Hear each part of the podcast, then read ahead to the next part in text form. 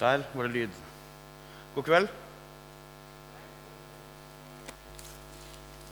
Dere virka litt sånn mutt. God kveld.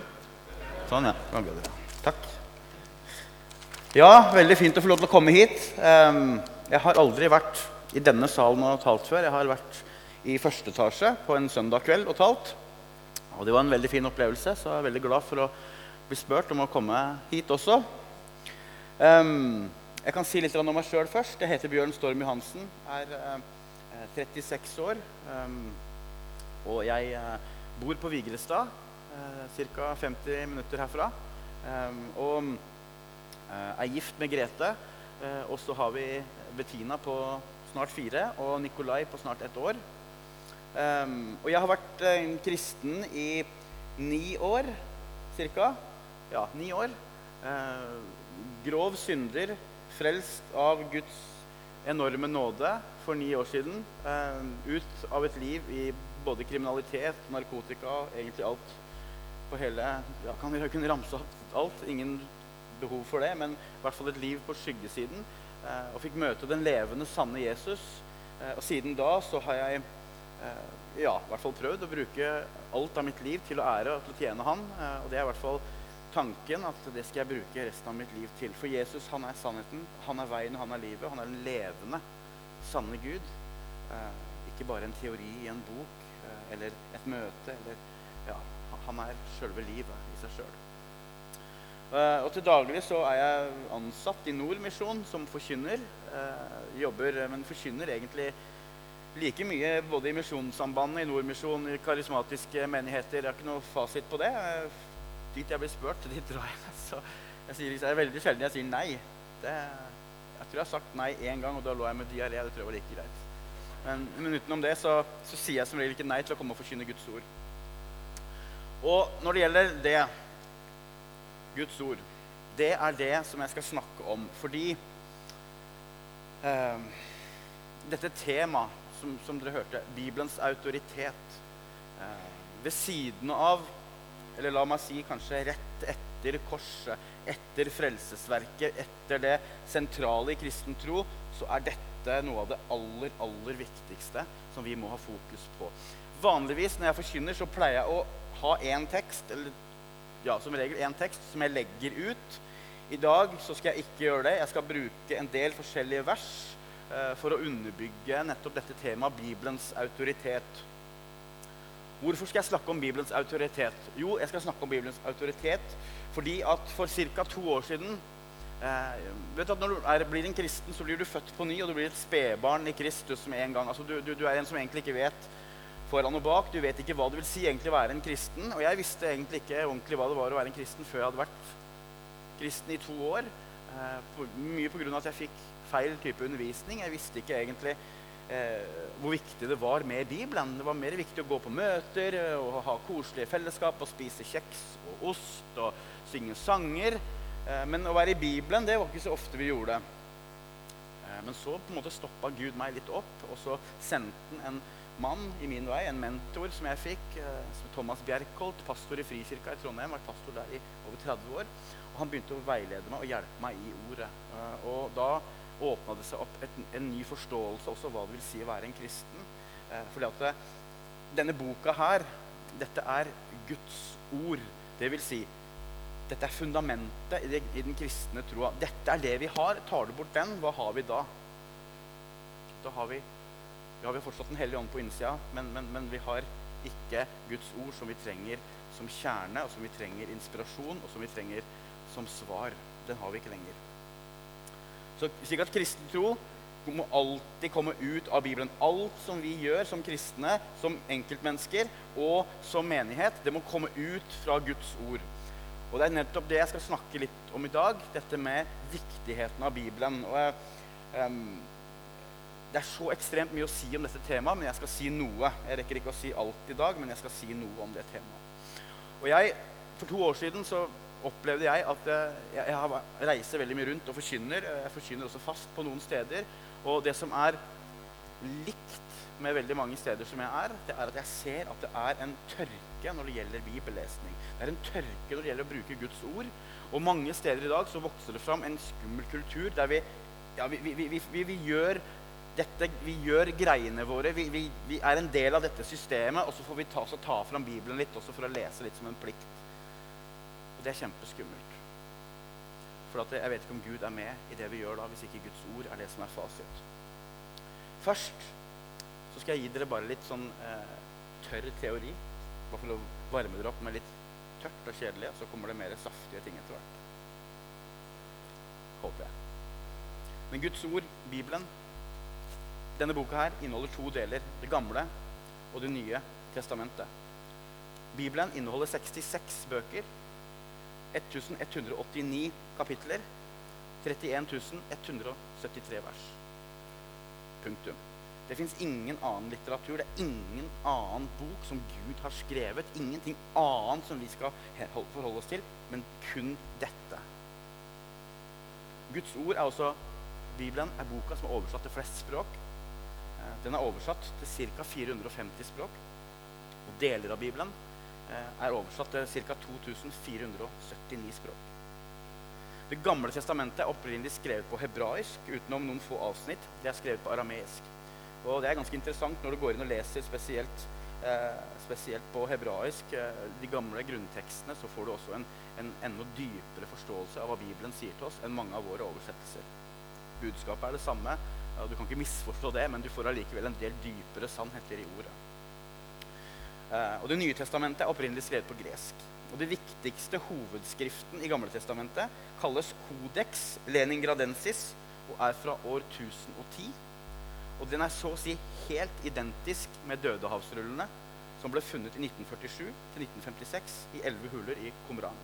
Det vil si, disse første skriftene som vi vet, Eh, av Det nye testamentet, som er helt tilbake til år 66 etter Kristus, de er identiske med det som ble funnet i 1947-1956. Så Gud har bevart sitt ord slik som det er, slik at denne boka her inneholder ikke en eneste feil.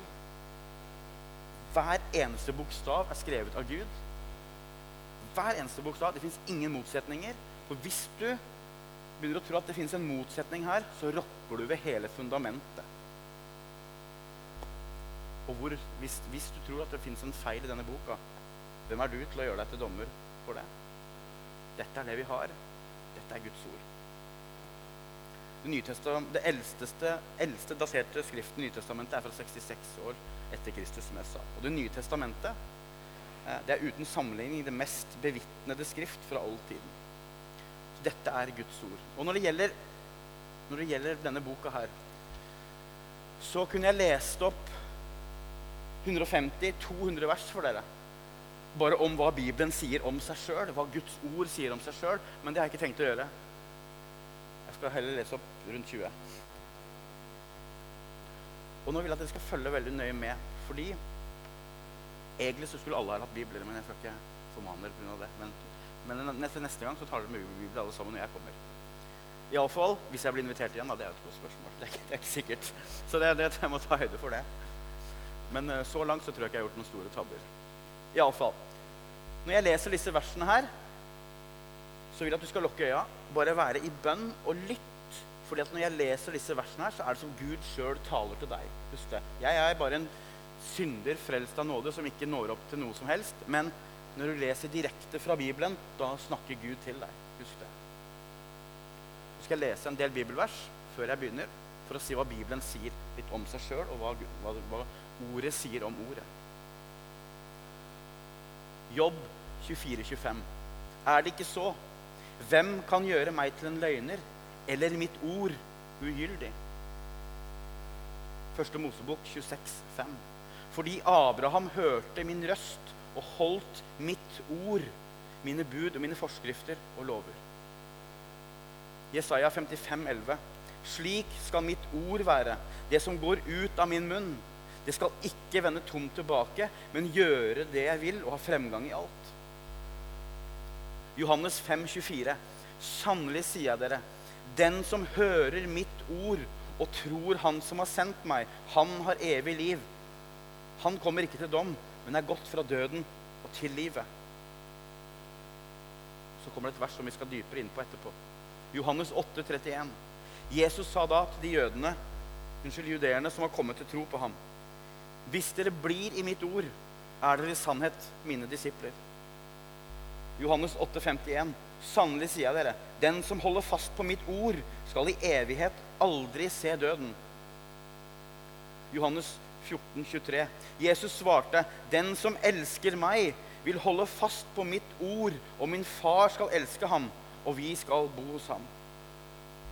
Og Matteus 7, 24. Vær den som hører mine ord og gjør etter de, ligner en klok mann som bygde huset sitt på fjell. Og Matteus 24, 35. Himmel og jord skal forgå, men mine ord skal aldri forgå. Lukas 8, 21. Men han svarte, mine søsken og min mor, det er de som hører Guds ord og gjør etter det. Johannes 14, 24. Den som ikke elsker meg, holder ikke fast på mine ord. Johannes 15, 7. Hvis dere blir i meg og mine ord, be da om hva dere vil, og det skal bli gitt dere. Lukas 8, 21. Dette er meningen med lignelsen. Såkornet er Guds ord. Og Johannes 8, 47. Den som er av Gud, hører Guds ord. Så et vers til som vi skal inn på etterpå. Efeserne 6, 17. Ta imot frelsens hjelm og åndens sverd, som er Guds ord. Og 1. Timoteus 4, 5. For det helliges ved Guds ord og bønn. Og Hebreerne 13, 11. I tro så forstår vi at verden er skapt ved Guds ord. Og åpenbaringsboka 19 19, vers 13. Han er kledd refererer da til Jesus. Han er kledd i en kappe dyppet i blod, og hans navn er Guds ord. Og Hebreerne 4,12.: For Guds ord er levende og virkekraftig og skarpere enn noe tveget sverd. Det trenger gjennom til det kløyver sjel og ånd, marg og bein, og dømmer hjertets tanker og planer. Og til slutt 2. Timoteus 3, 16-17. Hele Skriften er innåndet av Gud og nyttig til opplæring, til formaning, til veiledning, oppdragelse i rettferdighet, så mennesket som tilhører Gud, kan være fullt utrustet til all god gjerning. Jeg bare ber en liten bønn. Kjære Jesus, Herre, tusen takk for at ditt ord er levende. Herre Jesus, må du gjøre ordet enda mer levende for oss i dag. La det ikke bare være teori, Herre. Ikke la det bare være tilfeldige vers. Men må det bli til liv i oss i dag, Herre, og forandre oss. Herre, må vi få lov til å bli mer lik deg i kveld, Jesus. Du skal ha all ære. I ditt navn så ber vi og takker deg. Amen. Sånn at Bibelen Ut fra alle disse versene jeg har lest nå, så har jeg egentlig ikke trengt å si noe mer, for at det er så mye å fordøye. Men, men dette er Bibelen, dette er Guds ord. Og Bibelen sier om seg sjøl at eh, det er det viktigste som, som et menneske har. Eh, og Bibelen sier om seg sjøl at den er uten feil. Bibelen sier at den er skrevet av Gud. Hele Skriften er innholdet av Gud. At Guds ord det er nøkkelen i ditt liv som en kristen. Dette er maten, dette er inspirasjonen. Dette er her som vi henter all vår inspirasjon og vår visdom. For nemlig så har Gud, Gud har gitt oss to ting. Han har gitt deg Bibelen. Og vi som sitter her, vi er så velsigna. For vi har Bibelen. Og vi, vi, vi, vi, tar det for gitt at vi har den. Mens mange steder i verden så har de ikke Bibelen. Og noen vil ofre livet sitt bare for å være en dag i Guds ord. Jeg har møtt noen av dem fra Iran som blir forfulgt og som blir drept nesten daglig for troa si. Mens vi har den, og vi bruker den kanskje altfor lite. Jeg vet ikke hvordan det er med deg, men generelt så er det lite Bibel blant de kristne i dag. Og Gud har gitt oss to ting. Bibelen. Og det andre han har gitt oss, er Den hellige ånd på innsiden. Og En av Den hellige ånds oppgaver er bl.a. å minne oss på det Jesus har sagt. Og det, det, som Jesus har sagt, det står i Bibelen. Skal Den hellige ånd få minnet deg på det som Jesus har sagt, så er det viktig at du leser dette. Det er ikke sånn at du aldri leser denne her, og så sier ja, jeg har Den hellige ånd, så da trenger jeg ikke å lese. For da sier jo han hva Jesus har sagt allikevel. Ikke sånn det fungerer. Han minner deg på det som står i Guds ord. Og Guds ord er gitt til oss for at vi skal vite hvordan vi skal leve. Bibelen er gitt til deg for at du skal vite hva som er rett, og hva som er galt. Bibelen er en fasit for et menneske som er gjenfødt. Ikke for et menneske som ikke er gjenfødt. fordi For et menneske som ikke er gjenfødt kristen, så blir dette bare masse historier, det blir masse teori. Men for oss som er gjenfødte kristne, så er dette mat. Dette er selve kjernen til livet. Paulus snakker om det i, i Romerne 12, om å bli fornyet i vårt sinn. Og vi skal bli forvandla, og vi skal bli mer lik Jesus. Og vi skal bli likedannet med hans sønns bilde, står det et annet sted. Hvordan skal vi bli lik Jesus? Hvordan tror du at du blir li mer lik Jesus? Kan love deg en ting, at du blir ikke mer lik Jesus bare å gå inn døra på Salem. Og du blir heller ikke mer lik Jesus av bare å være i et kristent miljø. Og selv om vennene dine er kristne, men du blir mer lik Jesus av å ta til deg ordet og være i bønn. Og la Han få lov til å forme deg hver eneste dag. For det er det som er en stor del av kristenlivet. Det er å bli lik, mer lik Jesus. Hvorfor? Jo, for at vi skal være salt og lys. Du, skal, du, er kalt til å vise hvem Jesus er. Du er kalt til å fortelle hvem Jesus er. Alt det igjen kommer jo ut fra Bibelen. Hvordan skal du få vært et salt og lys hvis du ikke vet hva Bibelen sier?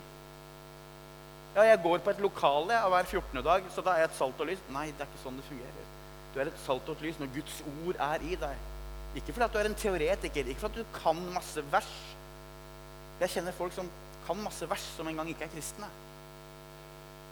Jeg møtte en kar en gang i en bokhandel. som jeg, Da var jeg ute og, og, og vitna og, og forkynte evangeliet i, i Trondheim på, på, gata. og så gikk jeg inn i en bokhandel, så traff jeg en, en eldre mann.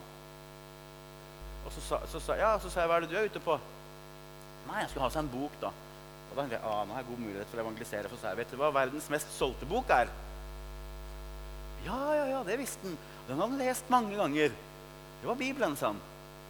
Og da tenkte jeg ja, ja, her har jeg, er jo da kan jeg bare dele litt tanke med en bror, tenkte jeg. Men nei, nei, han var ikke kristen. Han var historiker. Og han kunne mer av Guds ord enn hva jeg kunne den gangen.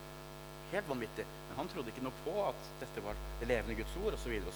Slik at det, det, handler ikke om å være en teoretiker og kunne, masse, og kunne masse, men det handler om å bli gjenfødt først og fremst. Og så ta til seg av dette for å bli mer lik Jesus. Hvorfor? Jo, for at vi skal nå ut. For at vi skal vise og fortelle hvem han er. Det handler ikke om å bare vise, vi skal også fortelle. For det er det Jesus gjorde mest. Han gikk rundt og forkynte Guds ord. Det gjorde også apostlene og disiplene. Det var det de var utsendt for. Og i dag så er det blitt sånn jeg vet, Nå, nå kjenner ikke jeg dere jeg er her for første gang. Jeg vet ikke hvordan det er i, i, i, i Salem her i Stavanger. Men jeg har treffet veldig mange kristne. Både ungdommer, men også voksne. Jeg forkynner like mye til voksne. Egentlig mer til dem faktisk nå. Men der jeg ser at Bibelen blir helt undervurdert. Jeg ser en kultur som vokser fram i det kristne miljøet, som ikke er basert på Guds ord, men som er basert mer på verdslige tenkemåter. Jeg ser en kristenkultur som handler om at vi skal, ja, vi skal gjøre godt. Og det skal vi. Men hvordan skal vi gjøre godt? Gjøre godt skal komme som en frukt av at Guds ord blir i oss. Røde Kors gjør mye godt. Barnevernet gjør mye godt. De leder ingen til frelse. Vi skal lede mennesker til Jesus. Hvordan gjør vi det? Jo, vi er fylt av Guds ord. Han har forvandla oss litt mer, litt mer. Og så er vi fylt av dette. Og så er det ingenting annet vi har lyst til å snakke om. Det er ingenting annet vi har lyst til å fortelle om. Og så naturlig ut fra dette også, som vi leste i 2. Timoteus 3, 16 og 17, så vil det komme gode gjerninger som en frukt ut av dette. Mange steder i dag, mange menigheter, mange forsamlinger, så henter de inspirasjon fra andre steder enn Bibelen. En kristen leder ringte til meg. Nei, jeg sier feil hver gang. Han ringte ikke. Han sendte melding til meg. Og så spurte han meg. Og da, da det tok temperaturen på ting som jeg snakker om i dag En kristen leder sendte meg en melding og så sa han, du vet om en god bok som jeg kan lese for å starte menighet. Hallo. Den er jo ganske grei, den her. Det står noen tips her om å starte menighet. Det står ikke en overskrift 'hvordan starte menighet', men hvis du går for i apostelgjerningene 2, så ser du hvordan den første menighet ble til. Hver dag kom de sammen, priste Gud, delte nattverden, holdt urokkelig fast på apostlenes lære. Hva er apostlenes lære? Det er det Jesus sa, som han sa til apostlene, som de igjen ga videre. Dette holdt de fast på. Dette er det vi er kalt til å gjøre. Og ut fra det så vil det komme frukter. Men da vi lokker igjen denne boka her og begynner å hente inspirasjon fra andre steder, Greit, Vi kan godt klare å lokke masse folk inn hit. Det hadde ikke vært noe problem for meg å få masse folk på dette møtet her hvis jeg hadde gått inn for det. Kjempeenkelt. Kjempeenkelt. Og jeg har, selv, jeg har gjort det mange ganger, ikke her, men i andre saler. Før jeg begynte å våkne og skjønte hva kristen tro egentlig handla om, så arrangerte jeg boksekamper for kristne. For jeg holdt på med boksing i mitt gamle liv. Og blant annet så hang det plakater over hele Trondheim by av meg og en kamerat av meg som også har vært bokser. Med skikkelig sånn bokseplakat med meg og han ansikt til ansikt. Kom i menigheten, liksom, skal se boksekamp. Jeg hadde aldri gjort det. Det er egentlig tragisk, men jeg var nyfødt kristen. Jeg mente godt. Det tror jeg Gud så. Tanken var at vi skulle, få, vi skulle lokke dem med denne boksekampen, ikke sant? og så skulle vi ha vitnesbyrd etterpå. Og det hadde vi. Det kom over 400 stykk. Smekkfullt. Selvfølgelig kommer folk da. Hæ? Hva er dette for en kirke som har boksekamp? Men vet du hva? Jeg ærer ikke Gud når jeg står og banker løs på en fyr i ringen og blør neseblod sjøl. Da er det ikke til ære for Gud lenger. Slik at det, Vi må holde oss til Skriften. Vi kan gjøre masse ting, vi skal, og vi skal være utadvendte. og vi skal, vi skal, være en del av folket. ikke sant? Men vi er annerledes som kristne. Hvorfor er vi annerledes? Jo, for at vi tar til oss av dette. For at dette er fasit. Ikke for all den verdslige visdommen som vi får. Er annerledes for at dette former oss. Og i dag, i en kristenkultur her i Rogaland, i Oslo, i Trondheim, så er det høy, støyende sang Masse show, blinkende lys, videoer, røykmaskin som preger mange av møtene våre og konferansene våre. Og så er det utvanna forkynnelse. Jeg ser ungdommer som står og hopper på konferanser med 'I love Jesus'-T-skjorte. Står de og hopper på konferanser. Er det noe gærent i det? Nei, det er ikke noe gærent i det. Men jeg har snakka med dem når de ikke er på konferansen. De vet ikke hvem Jesus er. Jeg har snakka med mange av dem. For at de er ikke ordet. De, de, bruker ikke tid her. De kjenner egentlig ikke Jesus. For du, du, kan kun bli kjent med Jesus gjennom Guds ord og bønn. Hvis du ikke hvis du tar bort den, så kan du godt famle, og du kan, du kan søke. Og ja, Jesus svarer, og ja, du kan bli frelst uten Bibelen. Men fra den dagen du blir frelst, for å holde deg på kursen, så er det denne her som skal holde deg på kursen. Hvis ikke, så kommer du ut av kursen. Og i dag radikal kristen Er det noen som har hørt uttrykket 'radikal kristen'? Det blir skrevet bøker i dag om å være radikal kristen. La meg fortelle dere en ting. Bibelen snakker ikke et ord om å være radikal kristen. Bibelen snakker kun om to ting. Gjenfødt kristen eller ikke. Guds barn, vredens barn. Ingen mellomting. Bibelen har én fasit for hva det vil si å være en kristen. Guds ord har én fasit. Det er ikke noe alternativ til å være en kristen. Det fins én fasit, og Guds ord gir oss fasiten på hva det vil si å være en kristen. Hvordan vi skal leve våre liv, hva vi skal gjøre, hva vi skal si osv. Og, så har vi forskjellige typer kall, og så skal vi nå forskjellige mennesker. og alt det der. Men pointet mitt er at dette er kjernen. Dette er kjernen. Så være en radikal kristen dag. Jeg trodde sjøl at jeg var en radikal kristen fordi jeg var på alle konferansene. Jeg, jeg, var, jeg gikk også med en Jesus-T-skjorte. Jo, det er kjempebra. Vi for, det må vi fortsette å gå med Jesus T-skjorte. Det er ikke noe gærent i det. Men, men, men pointet er når, når, det blir kristenlivet Når det er kristenlivet, så begynte jeg å stille meg sjøl når er jeg på kne for Gud.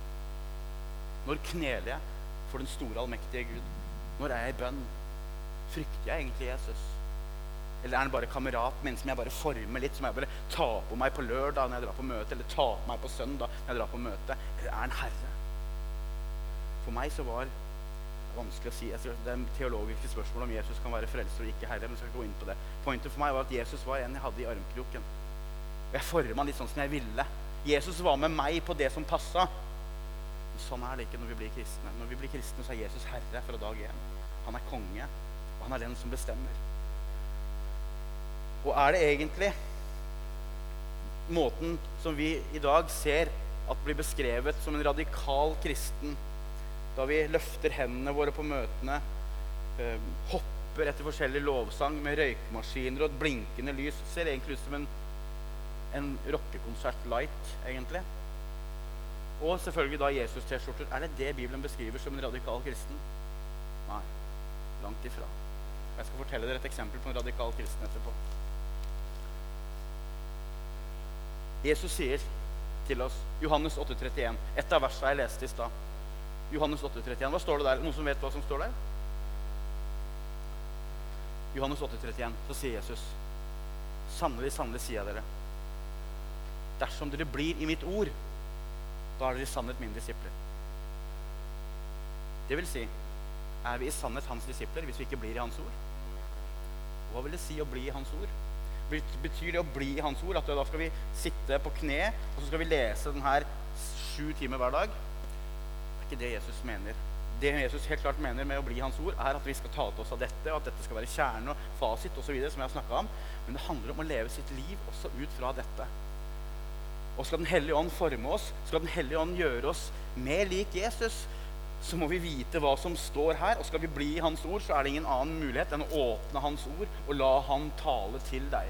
Mange i dag, kristne, de, og de, jeg hungrer sånn etter å høre Guds stemme.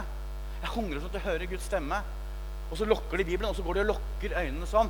Og så er de på sånne soaking-møter og sånn. Jeg har vært på dem sjøl. Det er det beste Satan vet. Tro meg, han sender sine brennende piler til kristne som lokker Bibelen, og som bare lokker øynene for å lytte etter hva Gud har sagt. Og jeg har sett mennesker har blitt forført av det og gått helt vill. Jesus snakker til deg når du åpner denne boka her. Da snakker Jesus til deg. Han snakker klart og han snakker tydelig i denne boka. Gud selvfølgelig, Gud leder oss også. Han, han på en måte taler til hjertet vårt og leder oss i ferdiglagte gjerninger. Også, men, men, men, men, det kommer alltid ut fra at vi er fylt av dette her. Det fins ikke én kristen i verden i dag. Selvfølgelig, det fins unntak for de som ikke har Bibel. Der gir Gud en spesiell uh, veiledning og en spesiell nåde. Det er det ikke tvil om. Men det, de som rett og slett ikke har mulighet for å ha Bibel, uh, og som blir kristne. Men vi som har en Bibel, vi skal alltid være forma ut fra dette. Og det er ut fra dette han veileder oss. Hvordan skal du kunne drive en menighet uten å vite hva Bibelen sier om å drive en menighet? Du, Hvis du skal ut på såkalt gateevangelisering, så er det mye mer en gateevangelisering er mye mer enn å ta et campingbord, eh, steke vafler, saft, kaffe og så en plakat med 'Jesus elsker deg'. Selv om det er kjempebra å gjøre det. Og gjør, fortsett med det hvis du gjør det. Men det er mye mer òg. Når mennesker da kommer bort til dere, hva skal dere si? Jesus elsker deg? Ja, bra. Han gjør det. Men plutselig så møter dere noen sånne sånn som jeg var. Jeg stoppa opp, og jeg vil ha svar. Fortell meg. Hva sier Bibelen? Hvem er Jesus? Hvem er Gud? Hvem er Den hellige ånd? Hva er tro? Hva har Jesus gjort? Hvorfor sånn, hvorfor sier noen menigheter sånn, og noen menigheter sier sånn? Hvorfor sier han presten det, og han presten det? Vet du, Vi må ha noen svar til folk. Vi må, være, vi må være grunnfesta i dette her for å kunne stå støtt. For hvis vi ikke er grunnfesta i Bibelen, så blåser vi sånn, og Bibelen beskriver oss som vinglende kristne som bare farer fram og tilbake ut fra hvordan vinden blåser. Slik beskriver Bibelen oss. Men pointet er at vi skal bli mer grunnfesta. Igjen, ikke for at du skal bli en teoretiker. For hvis du bare er teoretiker og sitter hjemme og leser, og det ikke blir noe liv i deg, så da må du virkelig ransake deg sjøl. Men allikevel, det handler om at dette her i deg er med ut. Og der du er når du er på arbeidsplassen din, når du er på skolen, når du er på kurs, når du er på trening Jeg vet ikke hvor du er hen, men da er du en Jesu Kristi etterfølger. Og det er når Guds ord er i deg, det er da det blir naturlig. vet Du hva? Du kan fylle deg med Internett, Facebook, du kan fylle deg med filmer og TV. vet du hva? Det gjør, Blir jo mer lik, lik Jesus av det? Og når du er på trening, eller når du er på skolen, eller når du er på et eller annet sted, og så, og så ja, du leste det ene verset i går kveld, og så har du god samvittighet. Og så satt du fire timer på Facebook, og så, og så satt du sånn, kanskje en film med masse utroskap og sex etterpå. Det er ikke det verset som kommer opp i hodet ditt da når du treffer folk på trening, som du egentlig skulle vitna for. For det som vi fyller oss med, det former oss. Det som du fyller, deg med, det, det, det, er med å forandre deg på en eller annen måte. Det er et godt ordtak som sier at Si meg hvem dine venner er, så skal jeg si deg hvem du er. Og det er egentlig et ganske godt poeng. Som kristen så er Bibelen der, vi, det er der vi må starte. Det er her vi må være, og det er her vi må leve, og det er her vi må avslutte. Guds ord er dette som må få lov til å forme oss. Hvorfor har jeg så voldsomt fokus på dette? Fordi at jeg ser det så tydelig ut fra Skriften at det er dette som er fasit. Du kommer ikke utenom det. Og i mitt liv så har det vært helt forandrende. Det har vært helt forandrende. Jeg elsker Jesus mer enn noen gang etter at jeg begynte å være i Ordet. Ikke fordi at jeg kan masse vers, og fordi at jeg, teori, jeg kan ganske mange vers. Men det er ikke det som er pointet. Pointet er at det gjør noe med meg. Og det har åpna på en måte jeg har ikke lyst, jeg, Verden for meg det er, det er en misjonsmarked. Jeg har lyst til å bare fortelle om han. For i morgen så er jeg kanskje død. Hvem vet? Du vet ikke hvor lenge du har her. Og den plutselig den dagen så står du foran Guds trone. Hva skal du si da? Ah, nei, jeg, oh, jeg, skulle, jeg, satt på Facebook i går. Jeg.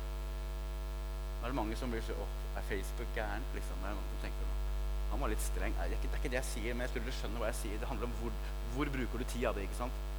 Det skjønner alle. Hadde dere vært fem år yngre, så hadde jeg ikke vært så direkte. Da hadde jeg sagt det på en måte litt. Men dere er såpass store at dere skjønner det. Det er bra. Men plutselig en dag så står du foran Guds trone, og det er det fokuset du skal ha. Lev hver eneste dag som det er den siste. Jeg har kjent folk som har vært friske den ene dagen, det har helt sikkert dere òg. Dagen etter så har de dødd. Sånn da er det, da er det for seint. Enten så er du da på vei til himmelen, eller så er du på vei til evig pine, fortapelsen. Guds ord er krystallklart. Det fins ingen mellomting. Slik at Guds ord er det du trenger i ditt liv. Guds ord er det som former deg. Og disipler, det blir det. Ikke av ti minutter Bibel på morgenen og deretter fire timer Internett osv. Men disipler det blir det når vi lever i Guds ord når vi blir i Guds ord. Og når vi lever det ut i vårt daglige liv. Og frukten av det blir gode gjerninger. Ikke prøv bare å gjøre de gode gjerningene, for det er mange kristne som gjør det i dag. Og vi må utgjøre godt, vi må utgjøre godt, og så blir det egen kraft. Og så er du egentlig, egentlig så er det ikke deg som er der. Du, du, du, føler at du må gjøre det for at du er en kristen. Men vet du hva? det er motsatt rekkefølge på det. Når du blir i ordet, så blir gjerningene blir naturlige for deg. Da kommer det av seg sjøl. Da får du mer lyst til å tjene. Du blir mer naturlig å elske, og det blir mer naturlig å gjøre godt. Paulus sier det i Galaterne. Gjør godt mot alle, men først og fremst troens egne folk. Denne måten å gjøre godt på den kommer som en frukt av at Jesus i deg gjennom sitt ord får virke. Da blir det naturlig. Og en disippel En disippel har disiplin. Det kommer faktisk av det samme ordet. Jeg er egentlig ikke noe fan av ordet disiplin. For det, disiplin det, det, forbinder jeg med noe som er veldig sånn strengt. og Jeg har ikke et sånt bilde av Gud at han er sånn streng. Jeg har et bilde av en kjærlig og tålmodig og god Gud, men samtidig som elsker meg så høyt at han vil forme meg. Men han gjør det ikke Han tvinger meg ikke til noen ting. Og en disippel har disiplin. Og hva betyr disiplin? Jo, i bibelsk forstand så disiplin kan bety et ganske bredt ord både på gresk og latin. Men det betyr noe sånt noe som cirka som dette her å sette seg ned foran læremesterens føtter. En disippel som har disiplin, han setter seg ned foran læremesterens føtter. Og hva gjør du foran læremesterens føtter? Jo, du åpner denne her, så er du der sammen med han. Eller i bønn. Eller begge deler. Ikke noe alternativ. Det er det, det er det vi skal gjøre. Bare tenk. Jeg vet, ikke, jeg vet ikke hva slags tenkning du har rundt denne boka her. Jeg vet ikke hvor, Kanskje du er oppvokst i en familie der det aldri ble brukt noe bibel. Kanskje du uh, ikke har hørt undervisning om at Bibelen er viktig. Jeg vet ikke. Kanskje du er her, kanskje du ikke er kristen. Jeg, jeg vet ikke, jeg. Hvis du ikke er det, så vil jeg veldig gjerne at du kommer og snakker med meg etterpå. Men uansett, jeg vet ikke hva slags forhold du har til denne boka her. Men når du åpner denne boka her, så snakker Gud til deg. Jeg vet ikke om du tenker på det, men når du åpner denne boka her, så snakker Gud sjøl til deg. Guds ord, Bibelen, det er kommet ovenfra, fra den allmektige tronen i himmelen, ut på disse arka her sånn. På alle disse arka her så har Gud lagt sin ånd. Han har innblåst hele Bibelen for at vi skal ta dette til oss, få det inn på innsida, bli forvandla på innsida, for at det igjen skal gå ut til andre, for at mennesker skal bli frelst. Det er gangen i det. Hvis du ikke tar til oss av dette her, hvis ikke Bibelen er det vi bruker, hvis ikke vi henter svar her på hvordan vi driver menighet, hvordan vi evangeliserer, hvordan vi forkynner Hvis ikke vi henter det herfra, så blir det verdslig, og så blir det egen kraft. Og det, på sikt så bærer det ingen frukt. I hvert fall ingen bibelsk frukt. Så radikal kristen. Hva er det for noe? Vel, Bibelen bruker ikke navnet radikal kristen noe sted, men en kristen ut fra en bibelsk perspektiv er en person som Jesus sier, som blir i Guds ord. Er, du er en sann disippel dersom du blir i ordet. Pluss bønn. Og du lever ditt liv Jesus er ikke en del av ditt liv lenger som en kristen. Som en kristen så er han ikke en del av livet. Han er livet ditt. Han er alt. Absolutt alt.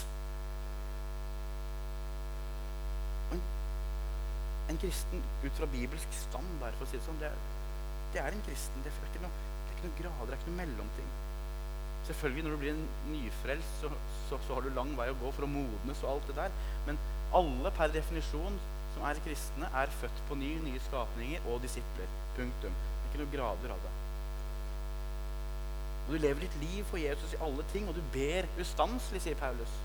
Vi er konstant i bønn, og vi elsker mennesker rundt oss. Først og fremst de kristne søskna, for det er en helt spesiell connection. For de er du ett med. Først og fremst de, men også de ute. Du skal til og med elske våre fiender. Tro meg, du og jeg klarer ikke å elske våre fiender hvis ikke Jesus hjelper oss. Du klarer knapt å elske mennesker ellers òg hvis ikke Jesus hjelper oss. Det er helt avhengig av ordet. Det blir naturlig i oss. Og vi er ydmyke. Vi skal i hvert fall være det. Ydmyke. Åndens frukt er det som skal prege oss. Hvordan skal åndens frukt prege oss? Kjærlighet, fred, glede, tålmodighet, overbærenhet, avholdenhet. Hvordan skal disse tingene her få prege oss? Hvordan skal sinnet vårt bli forvandla? Jo, for at Guds ord blir i oss.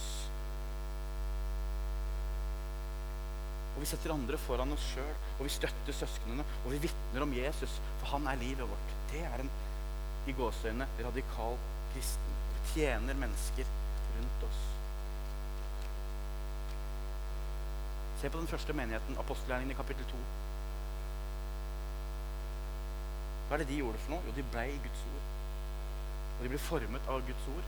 Det sånn, den første menigheten, de første kristne, det var en sånn kjerne med mennesker som, som på en måte gjorde alt altså, eneste som betydde noe, det var Jesus. Det eneste som betydde noe, var å få ut Guds ord. Det eneste som betydde noe, var frelse for andre mennesker. Og så kom de sammen igjen, og så hadde de nattverd sammen, og så sang lovsanger sammen, og så var de i ordet sammen, og de prisa Gud sammen. Og så gikk de ut igjen, hvert til sitt, for å vinne mennesker for Jesus. Var det alt handla om. Vet du hva? Dette gjelder også for oss i dag. Det er ingen forskjell. Ingen forskjell. Men de i apostelgjerningene to i den første menighet vet du hva det står der? De kom sammen hver dag. Hver dag kom de sammen. Vi møtes hver 14. dag. Ofte, Og så har vi cellegruppe hver 14. dag der igjen. Så Innimellom der så lever vi egentlig litt verdslig. Men det er ikke det vi er kalt til. Vi er kalt til å være tjenere for Han hele tida. Og det er vi når vi er ute i verden. Mellom cellegruppa di og mellom møtene, det er da du er salt og lys der du er. Og Derfor er det så viktig at du er fylt av Guds ord. Hvis Guds ord ikke blir inntatt hver eneste dag, jevnt og trutt, så vil du heller ikke oppleve noe åndelig vekst. For Bibelen snakker om det å vokse som en kristen fra barnestadiet til en moden kristen. Og det er Guds ord som sørger for veksten. Og det vil si å bli mer lik Jesus. Og det må du stille deg spørsmålet til som en kristen. Og det vet jeg ikke om du har gjort noen gang. Men mitt spørsmål til deg, og jeg har stilt det til meg sjøl Vil jeg virkelig bli lik Jesus? Jeg kan godt stå litt sånn, jeg kan stå liksom se på Jesus og de kristne, og så jeg kan beundre Jesus. Jeg kan klappe for alt det han har gjort. Det så, alt det Jesus har gjort, er så flott. Altså, jeg heier på Jesus. Men spørsmålet er vil jeg gjøre det samme sjøl. Vil jeg bli lik Jesus? Vil du legge ned dine rettigheter for at andre skal få sine? Er du villig til hver dag å fornekte deg selv og ta opp ditt kors? Være villig til å lide for troa di? Jeg vet at du snakker om å lide for troa si. Det er nesten ikke noe point her i Norge, for vi har det så godt. Men det kommer nok en tid for oss også en eller annen gang. Vil du bli lik Jesus? Hvis du virkelig vil bli Jesus, så er livet ditt. Og da er det Guds ord som kan hjelpe oss. Guds ord og bønn. Hvilket, hvilket, oppdrag er det Jesus har gitt oss? Hvilket oppdrag er det Jesus har gitt deg? Hvilket oppdrag er det vi lever i? Jo, han sier, Matteus 28, 18-20, gå derfor ut og gjør alle folkeslag til mine disipler, idet dere døper dem i Faderens, Sønns og Den hellige ånds navn, og lærer dem å holde alt det jeg har befalt dere, og se, jeg er med dere alle dager inntil verdens ende. Det er oppdraget vårt. Ok, så går vi ut. Vi er ute. Det er vi blitt enige om. Vi er alltid ute, for vi, det er ikke sånn at vi går ut. Vi er alltid ute. Der vi er, så er vi kristne. Der vi er, så er vi salt og lys. ok? Og så blir noen, noen som har lyst til å bli kristne. Det er noen som har lyst til å følge Jesus. ok? Og så blir du kjent med den personen der. Og, kommer, og da har du på en måte gjort del én av, av altså Du har gått ut, du har vært ute, du har vært et salt og et lys. og så, videre. og så tar du da med deg denne personen et eller annet sted. Jeg vet ikke om du tar den med hit, eller om du tar den med til en cellegruppe, eller om du tar den med hjem. jeg vet ikke hva du gjør. Men så kommer neste del da i misjonsbefalingen. Hvordan gjør vi disipler? For Mange lurer på hvordan holder vi på med disippelgjøring. Svaret står jo i, Johannes, Matteus 28. Vi lærer dem å holde alt det Jesus har befalt oss. Er det sånn vi gjør disippelgjøring i dag? Jeg vet ikke. Det er vårt kall. Og hvordan skal vi lære mennesker å holde alt det Jesus har befalt, hvis vi ikke er i ordet? For vet du hva jeg har sett i dag? Jeg har sett i flere år. Vi er, vi er ute, vi, vi, vi, er kristne der vi er, osv. Det er vi alle enige om. Og så når noen tar et standpunkt, noen bestemmer seg for at de vil bli kristne, så tar vi det med inn i et system. Folk kan bli kristne, og så velger de å ta det med hit. Og hvis det er kanongod forkynnelse her hver gang, så er det en kjempegod start. Men vi trenger disipler, etterfølgere, som er sanne disipler, som Jesus sier, som blir i ordet, og som lyder det Skriften sier. Og da skal vi lære mennesker å holde det Jesus har sagt. Og vi må selvfølgelig også lære det sjøl først. Misjonsbefalingen er krystallklar. Så fasiten på å gjøre disipler det står også i Bibelen. Fasiten på hvordan drive menighet står her. Fasiten på hva vi skal forkynne, hvordan det skal forkynnes, det står her. Og Derfor er det viktig bare en sånn lite stikkord. Derfor er det viktig i dag at, at det kommer pastorer, at det kommer ledere, både ungdomsledere og voksne ledere, som har fokuset på Guds ord, og som kan undervise. For det er den første og viktigste oppgaven til en leder, at du kan undervise Skriften. Ikke at du kan ta dem og spille fotball, ikke at du kan ta dem og spille bowling, eller som jeg, dra dem med på boksekamp. Det viktigste er at du kan lære dem Guds ord. Noen ganger kan det være kjedelig. Jeg vet det. Noen ganger kan det være vanskelig. Ja, jeg vet det også. og Det ser Gud. Han er nådig. og det er ikke noe sånt. Hvis du, du blir ikke piska hvis du ikke leser en dag i Bibelen. det er ikke noe sånn. Men over tid, ditt liv må være forma ut fra Skriften. Og skal vi kunne lede andre, skal mennesker bli frelst, og skal mennesker bli disippelgjort gjennom oss, gjennom Gud i oss, så må vi være i Ordet. Du kommer ikke utenom det. Det er helt umulig å gå noen omveier. For det er veien. Gud har ingen plan B, han har en plan A. Kun det. Så vi blir ikke en disippel av å gå på et hus, synge i kor, være på aktiviteter osv. Man blir det når man blir en gjenfødt kristen. Når du tar til deg av Guds ord og lærer å holde det Jesus har befalt. Ikke som noen teoretiker, men fordi at den maten i deg blir til liv. For Guds ord er levende. Og når du tar til deg det, så blir du forandra på innsiden. Og skal du bli mer lik Jesus Jeg har i hvert fall lyst til å bli mer lik Jesus. Jeg trenger det i alle områder av mitt liv. Er så ukomplett overalt. Det er kun Jesus som kan gjøre det. Jeg har søkt og jeg har søkt. Men vet du hva? Når jeg skjønte kraften i dette, så begynte det virkelig å skje ting i mitt liv. Og Derfor så står det også Romerne 10, 17 så kommer da troen av forkynnelsen som en hører. Og forkynnelsen en, en hører, kommer av Kristi ord. Slik at hør også god forkynnelse. Pass på at det er Jesus-sentrert forkynnelse. Og pass på at du sjekker forkynnelsen med Guds ord, for det er så mye falsk lære på markedet i dag som blir fora inn i kristne miljøer. Jeg kan si litt mer om det bare raskt. Den falske læren som jeg snakker om, den kommer ofte fra fra USA, herlighetsteologien, trosbevegelsen, de verste store megakirkepastorene osv. som forkynner rikdom, penger, helse, alt dette. De frister akkurat med det samme som Satan frister Jesus med i ørkenen. Rikdom og det å bli kjent, det å bli, være frisk hele tiden uten noen problemer. Det er det de egentlig forkynner. Det er mange av dem i dag. Og det er ikke så mange norske mennesker som direkte følger dem, men litt av deres teologi har kommet inn også her det du kjenner dem igjen på. De, de, for de snakker om Jesus. Det er ikke alltid du, Ved første øyekast er det ikke sikkert du klarer å skille ut på det. Men det er klart når du ser en pastor som går i hvit dress og kjører jetfly med navnet sitt og bildet sitt på, så skjønner du at da burde du ringe en bjelle. helt, da, da, da, da burde du ringe en liten bjelle. Og når den er skilt to ganger også, så burde du også ringe en bjelle. Og når den, i tillegg da har uh, står på TV uh, på God Channel og bare spør etter tusenlappene dine, for da vil bare send meg litt penger, så, kom, så skal jeg sende et mirakel. Da burde du også ringe en bjelle. Så passer det for dem. Det er mange av dem. Men Derfor er det så viktig at du hører god forkynnelse, at du er i ordet, slik at det får lov til å forme deg sånn som det Gud har tenkt. Og en annen ting også, Guds ord er overnaturlig. Det har jeg sikkert prøvd å legge vekt på, men dette virker uansett når du tar til deg det. det ikke, ikke, prøv å kjenne etter om du blir forandra. For du, du, er en synder, og det er jeg òg. Men, men, men, du blir forandra for det. Det skjer noe med deg når du tar til deg ordet. Skal begynne å gå imot slutten, men i Efeserbrevet 6, for vers 10-18, så står det om Guds fulle rustning. Har dere lest om det? Har dere lest om det? Ja, bra. Dere er litt sånn ja. Jeg er snart ferdig. Dere må høre litt til. Jeg slipper det ikke ennå. Dette er viktig, det som kommer nå. Guds fulle rustning. Efeserbrevet 6, 10-18. Guds fulle rustning er en, eh, Der bruker Paulus beskrivelsen av en romersk soldat og beskriver eh, hans rustning som forskjellige deler av vår tro. kan Du si. Du har frelsens hjelm, og så har du sannhetens belte, og så har du rettferdighetens brynje. Altså, alt dette her er eh, en del av en rustning som skal være beskyttelse. Alt dette, troen, frelsen, eh, sannheten, disse tingene her, det, det er beskyttelse for oss.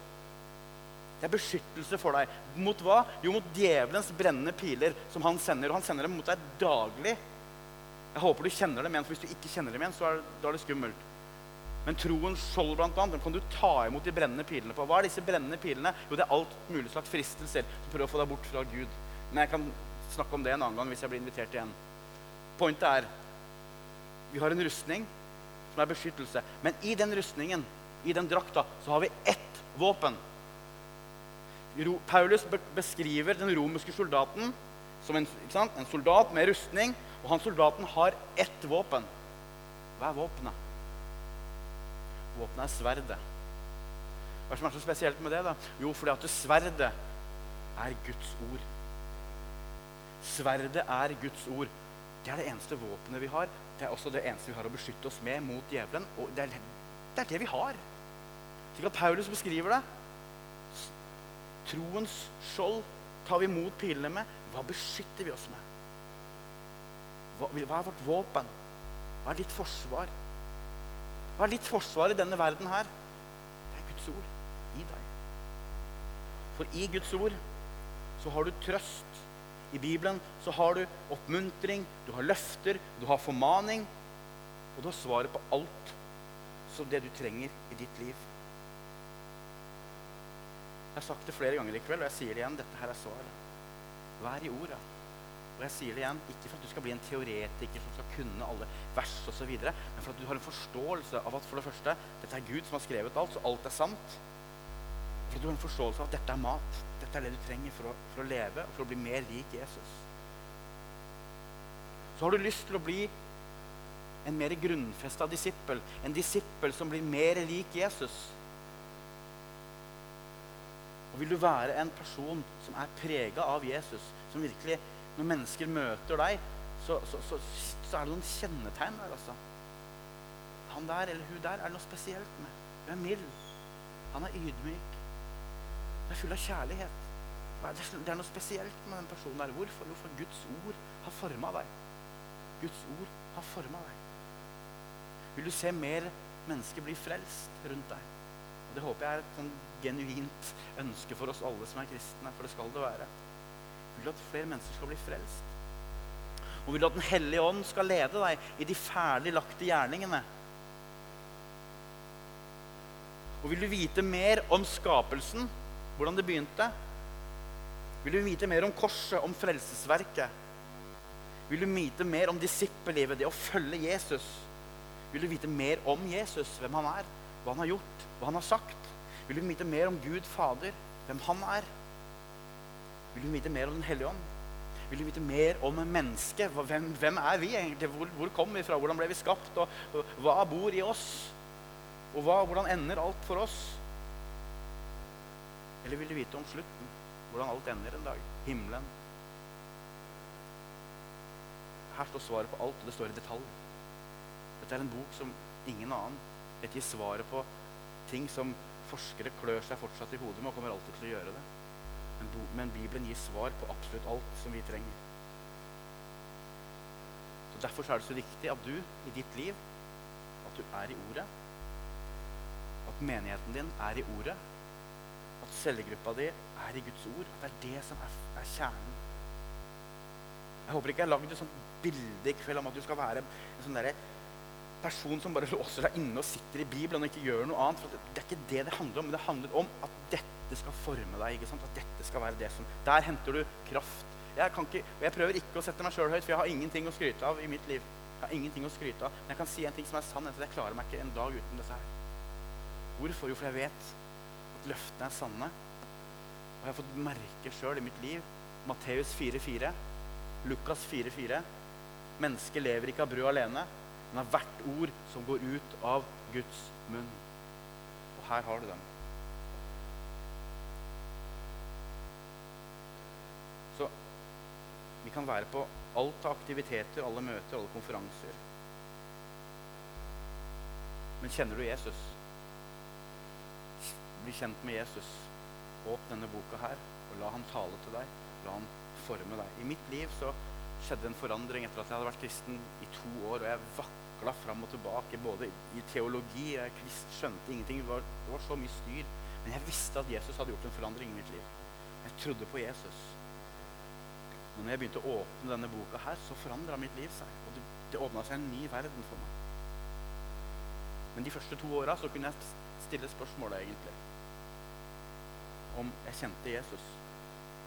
For at det er mange som vet mye om Jesus, men om vi kjenner ham, det er noe annet. Det er to forskjellige ting. Så konklusjonen på denne talen her, det må være at Bibelen det er fasiten vår. Bibelen er alt du trenger, egentlig. Det er alt du trenger.